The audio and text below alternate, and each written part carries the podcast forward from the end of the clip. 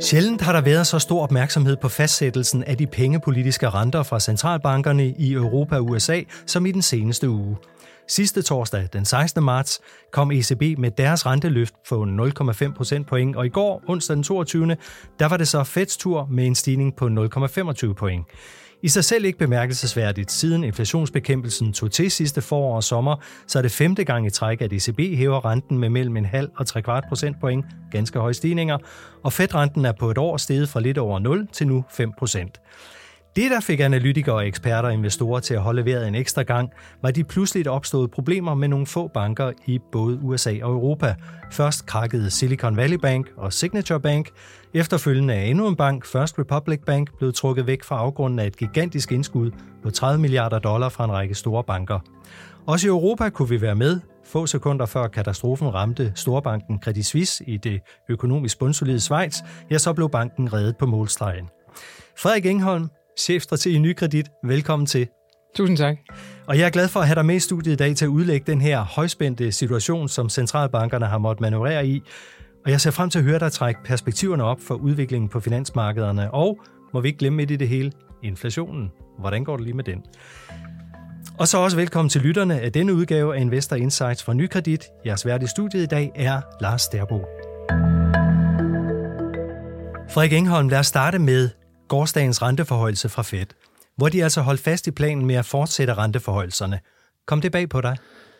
Nej, det gjorde det ikke. Øhm, man kan sige, der var ligesom lagt op til, at de, øh, de gerne ville hæve renten også, fordi, tror jeg, markedet havde indpriset renteforholdelsen med en ret stor sandsynlighed over, over 80 procent, og, og det betyder, at når de så gør det, så, øh, så er det lidt mere gratis for dem. De overrasker ikke markedet, de følger ind i den sti, der er lagt ud. Og jeg vil sige, selvom de fulgte den plan, de havde, øh, der måske var lagt sådan op til mødet, så er det jo ikke mere end en, en, et par uger siden, at de, øh, de ret klart indikerede, at de skulle hæve med øh, et halvt procentpoint, altså dobbelt så meget, som de gjorde.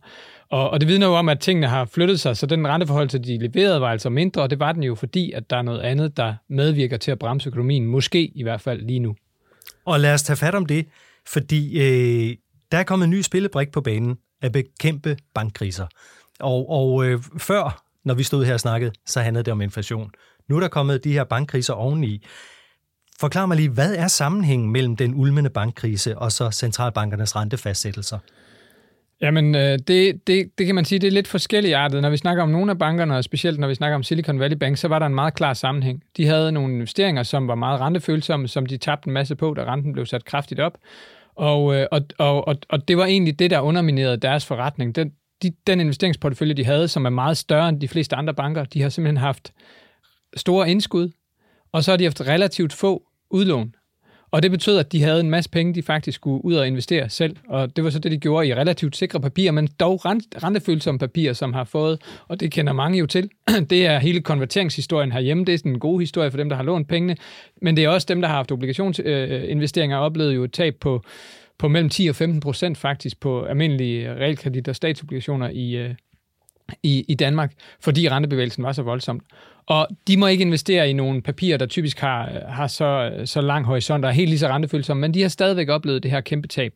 Og, og så, så det har været en, en klar øh, konsekvens af det her. Ellers vil jeg sige, det der, det der skete i Credit Suisse, det er i virkeligheden mere en anden historie, øh, som handler om, at banken har været, har været drevet dårligt. Så det er ikke sådan, at vi oplever, at alle mulige banker generelt får problemer, fordi renterne de, de er kommet højere op. Der er en række banker, der også synes, at det her er en mere gunstig situation, fordi det gør dem faktisk øh, i stand til igen at, øh, at kunne have en, en forskel på, man kan sige en lidt større forskel på det, de låner ud til, og det, de, øh, det, de giver folk på deres indskud.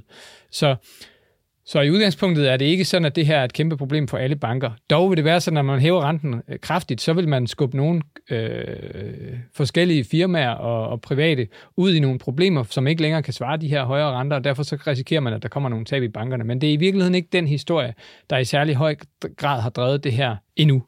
Øh, så det er sådan den, den, den korte udlægning. Øh, det, der så sker, og det centralbankerne begynder at tage højde for, det er jo, at, at når der er sådan noget tumult i bankverdenen, som der er lige nu, og bankerne oplever faktisk fra den ene dag til den anden, det bliver dyrere at finansiere sig, når de skal ud og låne øh, blandt investorerne, så, så, øh, så sker der formentlig det, det er i hvert fald det, den amerikanske centralbank også pegede på i går, så sker der formentlig det, at de bliver mere tilbageholdende med at låne ud, bliver mere forsigtige, bliver mere tilbageholdende også over for hinanden, bankerne imellem, hvor der foregår en masse aktivitet også. Og den forsigtighed slår i virkeligheden ud i en, kan slå ud i en lidt større øh, uvillighed til at give lån, eller lidt mere tilbageholdenhed til at give lån, og måske et krav om, øh, specielt hvis der kommer nye kunder ind, lidt, lidt, lidt, lidt strengere krav til, hvad der skal til for, at man kan få lov at låne. Den proces var allerede i gang. Det er en naturlig ting, der, der foregår, når man hæver renterne kraftigt. Så begynder bankerne at være lidt mere restriktive og tilbageholdende og tænke over, kan, kan folk nu holde til at og, og, og få det her lån, og kan de betale renterne på det osv. Men den proces risikerer at blive accelereret af den uro, der er lige nu, og særligt i de her amerikanske regionalbanker, som altså de, de sådan, øh, øh mellemstore til mindre banker i USA, som, som faktisk fylder rigtig meget. De fylder mere eller mindre halvdelen af udlånet, både til erhvervslivet og, øh, og, øh, og, og private. Øh, så de er afgørende, og det er specielt der, vi kan også se, at kurserne på de banker er faldet meget kraftigt, og de er faktisk mere end halveret øh, over den, sådan, som, som gruppe over den, sidste, øh, over den sidste halvanden uges tid, hvor det trods alt er gået noget mildere for sig, selvom de også er faldet meget, øh, sådan de større banker i USA.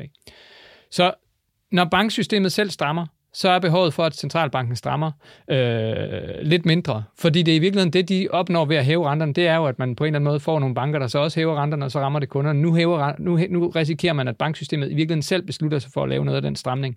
Og derfor ser centralbankerne over en bred kamp nok et lavere behov for at hæve renterne i det omfang, det her udvikler sig i en, i en, i en grad, så, så, så banksystemet som sagt selv leverer stramning. Og det er der kæmpe usikkerhed om, både hvor meget, om, de, om det overhovedet kommer til at ske. Jeg tror, de fleste af os forventer, at der vil nok særligt i det amerikanske regionalbanksystem være en eller anden effekt af det her, og formentlig også i Europa i et eller andet omfang, som, som bidrager til, at centralbanken altså behøves at hæve renten en lille smule mindre, end man oprindeligt havde tænkt sig.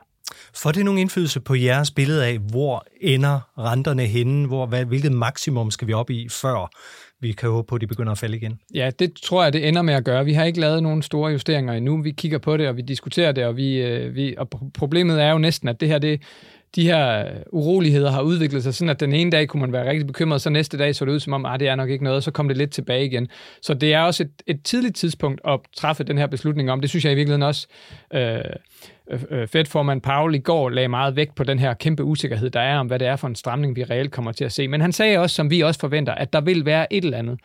Og om det modsvarer, at man måske skal hæve renten en enkelt gang mindre, altså med en kvart procent mindre eller mere end det, øh, det, det har vi ikke helt lagt os fast på endnu, men, men, men man kan sige, det, det er uden tvivl den vej, det trækker i forhold til, hvor vi, vi stillede os. Og Federal Reserve havde jo selv lige lagt op til, at de faktisk havde en forventning om, at renterne skulle noget højere op, end de sagde i december. De laver jo sådan nogle Øh, de giver jo sådan en guidance, det man kalder dot plot, hvor, hvor, de, hvor man får en indikation af, hvor alle medlemmerne tænker, at renten skal være i slutningen af i år næste år osv. Og der havde man regnet med, at de havde ret klart indikeret, at den guidance, vi ville få for, hvor skal renten slutte 2023, den ville ligge klart højere end i december, hvor man altså havde indregnet et par yderligere renteforholdelser. Det, der så er sket, det er, at man i virkeligheden ligger sig præcis samme sted som december. Så det indikerer jo altså, at efter man egentlig havde signaleret, at vi skal noget højere op, end vi troede for kort tid siden, så tror man det ikke længere. Så det er allerede også i Federal Reserve selv indregnet. Det kan nå at ændre sig igen. Det er jo bare et, en, en, en temperaturmåling på, hvordan de ser situationen lige, lige de her dage. Øh, og det samme gælder altså markedet. Markedet har taget indregnet, at Federal Reserve ikke skal hæve særlig meget mere og begynder at sænke renterne igen faktisk allerede i løbet af, af, af, af om, om, om få måneder. Og det er altså ikke, det er ikke vores forventning, det kommer til at gå så hurtigt. Vi tror, de kommer til at skulle lidt højere op og formentlig også holde fast i de højere renter i længere tid. Men jeg vil også gerne sige, at alle prognoser er lige nu ekstraordinært usikre, når vi står midt i det her, vi ikke rigtig ved, hvad bliver til. Hvis vi så går tilbage og kigger på det her, som egentlig var den dagsorden, vi har set, når det handler om centralbanker. Det handler om at bekæmpe inflation. Hvordan går det så med det i dag? Hvor, hvor ser I, det øh, er på vej hen nu, hvis vi starter med USA? Jamen, man kan sige, at det, som jo sker, det er, altså for det første er inflationen stadig alt for høj, og, og det, det, det er der ikke nogen tvivl om, det er den i USA, og det er den i Europa. Den er faldet noget mere i USA.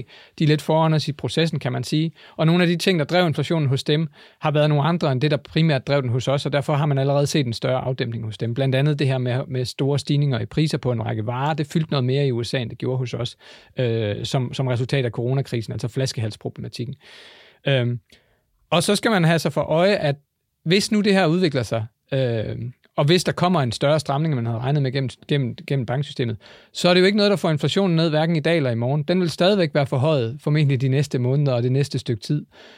Men det kan sagtens betyde, at det kan endda betyde, hvis det går rigtig galt, at økonomien ryger ud over kanten og ender med, med at opleve tilbagegang, altså egentlig recession. Og i det tilfælde skal inflationen nok falde.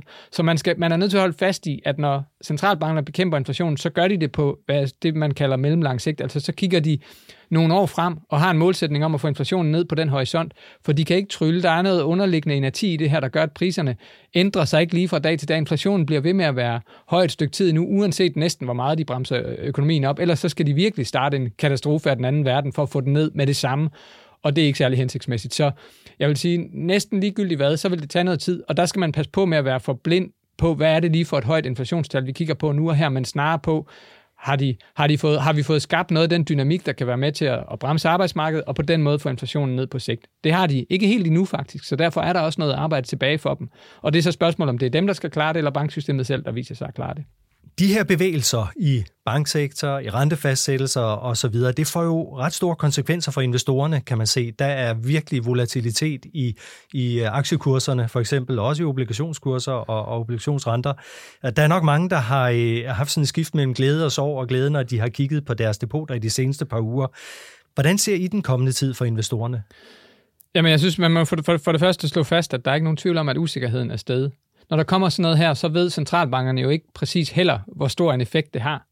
Og det betyder, at sandsynligheden for, eller risikoen for, at de kommer til at kalibrere deres politik forkert, når der kommer en ekstra sådan lidt ukendt faktor ind i spillet, som man ikke helt ved, hvor stor en effekt har, den er jo bare endnu større. Så det betyder også, øh, ja, risikoen for en politikfejl, risikoen for, at man skubber økonomien over kanten, og den ender i recession, bliver lidt større. Så det er naturligt nok, at aktiemarkedet reagerer med noget, med en, en, en, en hvad kan man sige, forhøjet usikkerhed eller for, forhøjet udsving, og efterfølgende også et, et, øh, et, fald.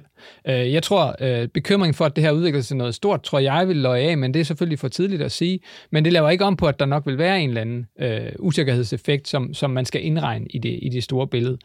Øhm, helt generelt, så vil jeg sige, at vi holder jo fast i det her med, at vi er øh, sådan lidt skeptiske på markedet generelt. Øh, vi tror egentlig, at renterne kommer op igen, øh, sådan nogenlunde, måske ikke helt deroppe, hvor de var, men kommer op igen, de er jo faldet rigtig meget, og man kan sige, det har været en af de ting, vi har peget på som en hovedpine for markedet. Jeg tror, de bevæger sig nok lige så stille opad igen. Og jeg tror stadigvæk, det her øh, limbo, vi står i, hvor der er usikkerhed om, om, om, om indtjening på grund af de økonomiske øh, udvikling. Vi har en rente, der er skiftet til et højere niveau, der generelt presser prisfastsættelsen på aktiekurserne.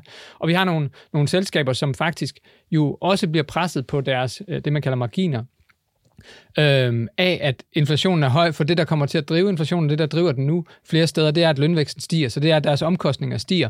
I en situation, hvor økonomien nok ikke ser så meget øh, vækst. Øh, vi regner jo med sådan mere eller mindre flad udvikling i væksten over de, det kommende stykke tid, både i USA og Europa. Og det betyder, at det er ikke sådan, at de kan, de kan forvente at få et bunende salg, men samtidig øh, bliver de presset på omkostningssiden af, af, af den stærke lønvækst. Så, så vi synes ikke, at udsigterne er de bedste for, for selskaberne. Det, de er ikke katastrofale heller. Vi ser ikke nogen kæmpe krise eller kæmpe kollaps. Men det er grund til, at vi stadigvæk opererer med en, øh, en lidt mindre andel af vores, vores midler i aktier og lidt flere i obligationer, end vi, end vi gør sådan øh, i gennemsnit. Og vi vil også sige, at vores sammensætning, når man kigger på, på sektorer, er også stadigvæk sådan, tvistet i en defensiv retning. Det betyder altså, at man, vi, har, vi, har, vi har flere investeringer i den, de sektorer, der sådan typisk klarer sig lidt bedre end markedet generelt, når, når, øh, når, når markedet har det lidt svært sundhed øh, som et eksempel på en af dem. Uh-huh. Vi holder faktisk også fast i indtil videre, og det er klart, vi kan jo blive øh, overbevist om, at det, det, det, det, det er forkert, hvis det her eskalerer, men vi holder faktisk også fast i en overvægt i, i, øh, i de europæiske banker, uh-huh. som jo har, har tabt på det seneste. Jeg vil sige, de, har, øh, faktisk, de er faktisk stadigvæk i plus for året, men vi tog dem først på lidt ind i året, og, øh, og derfor er vi en lille smule nede på den investering, men de er kommet lidt tilbage, men, men jeg vil sige, vi synes stadigvæk egentlig, ikke, at det her ligner et, øh, et, et, et kæmpe issue for, for europæiske banker. Og jeg vil også, de ting, der har trukket, øh, som sagt, Credit Suisse ned, var nogle specielle tilfælde der. Europæiske banker er strammere reguleret end de amerikanske, og vi tror faktisk generelt, at det her øh, skift til et højere rentemiljø øh, er gunstigt for dem. Så, så vi er ikke overbevist om, at den case er røget ud med, med, med, den, med den uro, der har været på det seneste. Så hvis jeg her til afslutning spørger dig, føler du dig overbevist om, at vi ikke står igen og taler om nye store overraskelser på de finansielle markeder, eventuelt nye bankproblemer inden for den næste måned? Hvad siger du så? Ja, jeg, jeg vil sige, det tør jeg ikke føle mig overbevist om, men jeg tror, det er sandsynligt. Jeg tror, det er mest sandsynligt, at vi ikke gør det, men jeg, kan, jeg synes, at der er så meget usikkerhed om det her lige nu, så at være, være fuldstændig overbevist om det, det synes jeg faktisk ikke rigtigt, man, man kan være. Vi glæder os til at følge op på det. Tak for din analyse, Frederik Engholm, chefstrateg i Nykredit. Selv tak. Og til dig, der har fulgt med, kan jeg sige, at du har lyttet til podcasten Investor Insights fra Nykredit. Din vært i dag var undertegnet Lars Derbo, og du kan høre flere podcasts og læse artikler om investering og økonomi på nykredit.dk. Her finder du også flere analyser og prognoser om de emner, vi har været inde på i dagens podcast. Og du kan også finde vores podcast på SoundCloud, Apple Podcast og Spotify. Tak fordi du lyttede med.